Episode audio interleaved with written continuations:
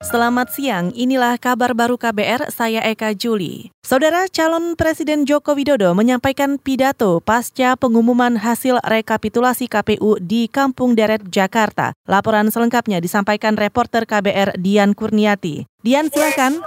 Ya, saudara, saat ini saya sedang berada di kawasan Kampung Deret, Kelurahan Tanah Tinggi, Kecamatan Johar Jakarta Pusat yang menjadi lokasi pertama kunjungan uh, calon presiden incumbent Joko Widodo setelah pengumuman dari rekapitulasi dari KPU dini hari tadi uh, dengan hasil memenangkan Jokowi tersebut. Dan di sini sudah berkumpul banyak warga untuk berdialog dengan Jokowi dan memang sekarang sedang ada bicara antara Jokowi dan warga di Kampung Deret ini. Dan sebenarnya kunjungan ke sini juga tergolong mendadak karena dari obrolan dengan warga, warga pun mengaku kaget karena uh, dalam hitungan beberapa jam saja langsung ada persiapan ke sini. Dan sebetulnya ini lokasi ini menjadi uh, lokasi yang dianggap bersejarah bagi Jokowi karena ini menjadi lokasi Kampung Deret pertamanya saat dia menjabat sebagai Gubernur DKI Jakarta 2012 lalu pembangunan ini dilakukan setelah kampung ini kebakaran gitu. Dan menurut warga pada pemilu uh, 2019 April lalu uh, Jokowi Ma'ruf Amin memang menangi kawasan ini. Dan kami menunggu, menunggu pernyataan resmi dari Jokowi terkait kunjungannya ke Kampung Deret ini. Demikian Dian Kurniati melaporkan dari Kampung Deret Senen Jakarta. Terima kasih Dian atas laporannya. Dan sekarang kita ke Kertanegara mendengarkan pantauan terkini di Kertanegara Jakarta Selatan bersama jurnalis KBR Febrian Kevin. Halo Feb, Kevin silahkan. Ya saat ini saya sedang berada di Kertanegara di kediaman Prabowo Subianto. Yang tadi sedang berlangsung preskon untuk preskon langkah BPN untuk melakukan pengumuman setelah rekapitulasi KPU. Prabowo mengimbau kalau lawan melakukan penyampaian aspirasi dengan secara konstitusional. Uh, Prabowo juga mengimbau untuk tidak melakukan aksi-aksi secara berlebihan pada relawannya. Uh, saat ditemui awak media, Ketua Advokasi Sumidasko Ahmad menerangkan bakal mengajukan gugatan terkait kecurangan pada pemilu 2019. Untuk saat ini, tim tim BPN sedang melakukan pengumpulan berkas-berkas untuk pengajuan ke MK.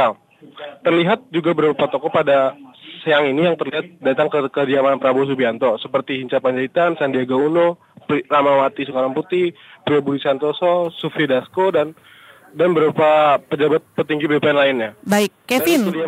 Terima kasih banyak atas laporannya Kevin. Selamat bertugas kembali. Dan saudara, Komisi Pemilihan Umum atau KPU akan mengumumkan hasil pemilu setelah mendapat rekomendasi hasil gugatan dari Mahkamah Konstitusi dalam jangka waktu 3 kali 24 jam. Seperti apa mekanisme penyampaian hasil pemilu? Kita selengkapnya bersama jurnalis KBR Reski Novianto. Saudara, suasana terkini dari dalam kantor Komisi Pemilihan Umum KPU terpantau masih belum ada agenda atau rapat lanjutan dari Komisioner KPU. Meski begitu, situasi di dalam KPU masih terus mendapat penjagaan yang ketat dari personil TNI Polri yang mengamankan setiap sudut kantor KPU. Sementara itu, dalam keterangan tertulisnya, Komisioner KPU Hashim Asyari mengatakan, dini hari tadi, KPU telah menyelesaikan rekapitulasi pemungutan suara Meski begitu, hasil tersebut belum merupakan penetapan hasil final pemilu berupa calon terpilih, melainkan hanya penetapan hasil pemilu secara nasional berupa perolehan suara paslon. Kata dia, penetapan hasil pemilu akan diumumkan setelah adanya tenggang waktu proses di Mahkamah Konstitusi atau MK. Ia menyebut dalam jangka waktu 3 kali 24 jam terhitung sejak 21 Mei 2019 dini hari hingga 24 Mei dini hari mendatang adalah masa pendaftaran gugatan penetapan hasil pemilihan umum atau PHPU ke MK. Demikian laporan jurnalis KBR Reski Novianto. Saudara, gugatan sengketa pemilihan umum atau pemilu hanya dapat diajukan melalui Mahkamah Konstitusi atau MK. Pakar Hukum Tata Negara Laudin Marsuni menjelaskan, peserta pemilu memiliki waktu 3 kali 24 jam untuk mengajukan gugatan sejak hasil pemilu ditetapkan. Sengketa pemilu tidak ada cara lain kecuali lewat Mahkamah Konstitusi.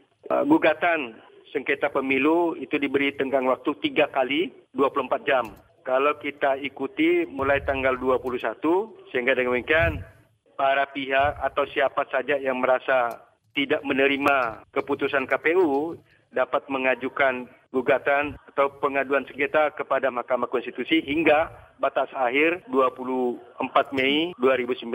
Itu tadi pakar hukum tata negara Laudin Marsuni. Ia juga menambahkan mekanisme pengajuan gugatan ke MK memberikan peluang bagi pihak yang tidak menerima penetapan hasil pemilu. MK selanjutnya akan melakukan pemeriksaan hingga persidangan atas gugatan itu. Dan MK selanjutnya mempertimbangkan persyaratan dari peraturan perundang-undangan yang berlaku.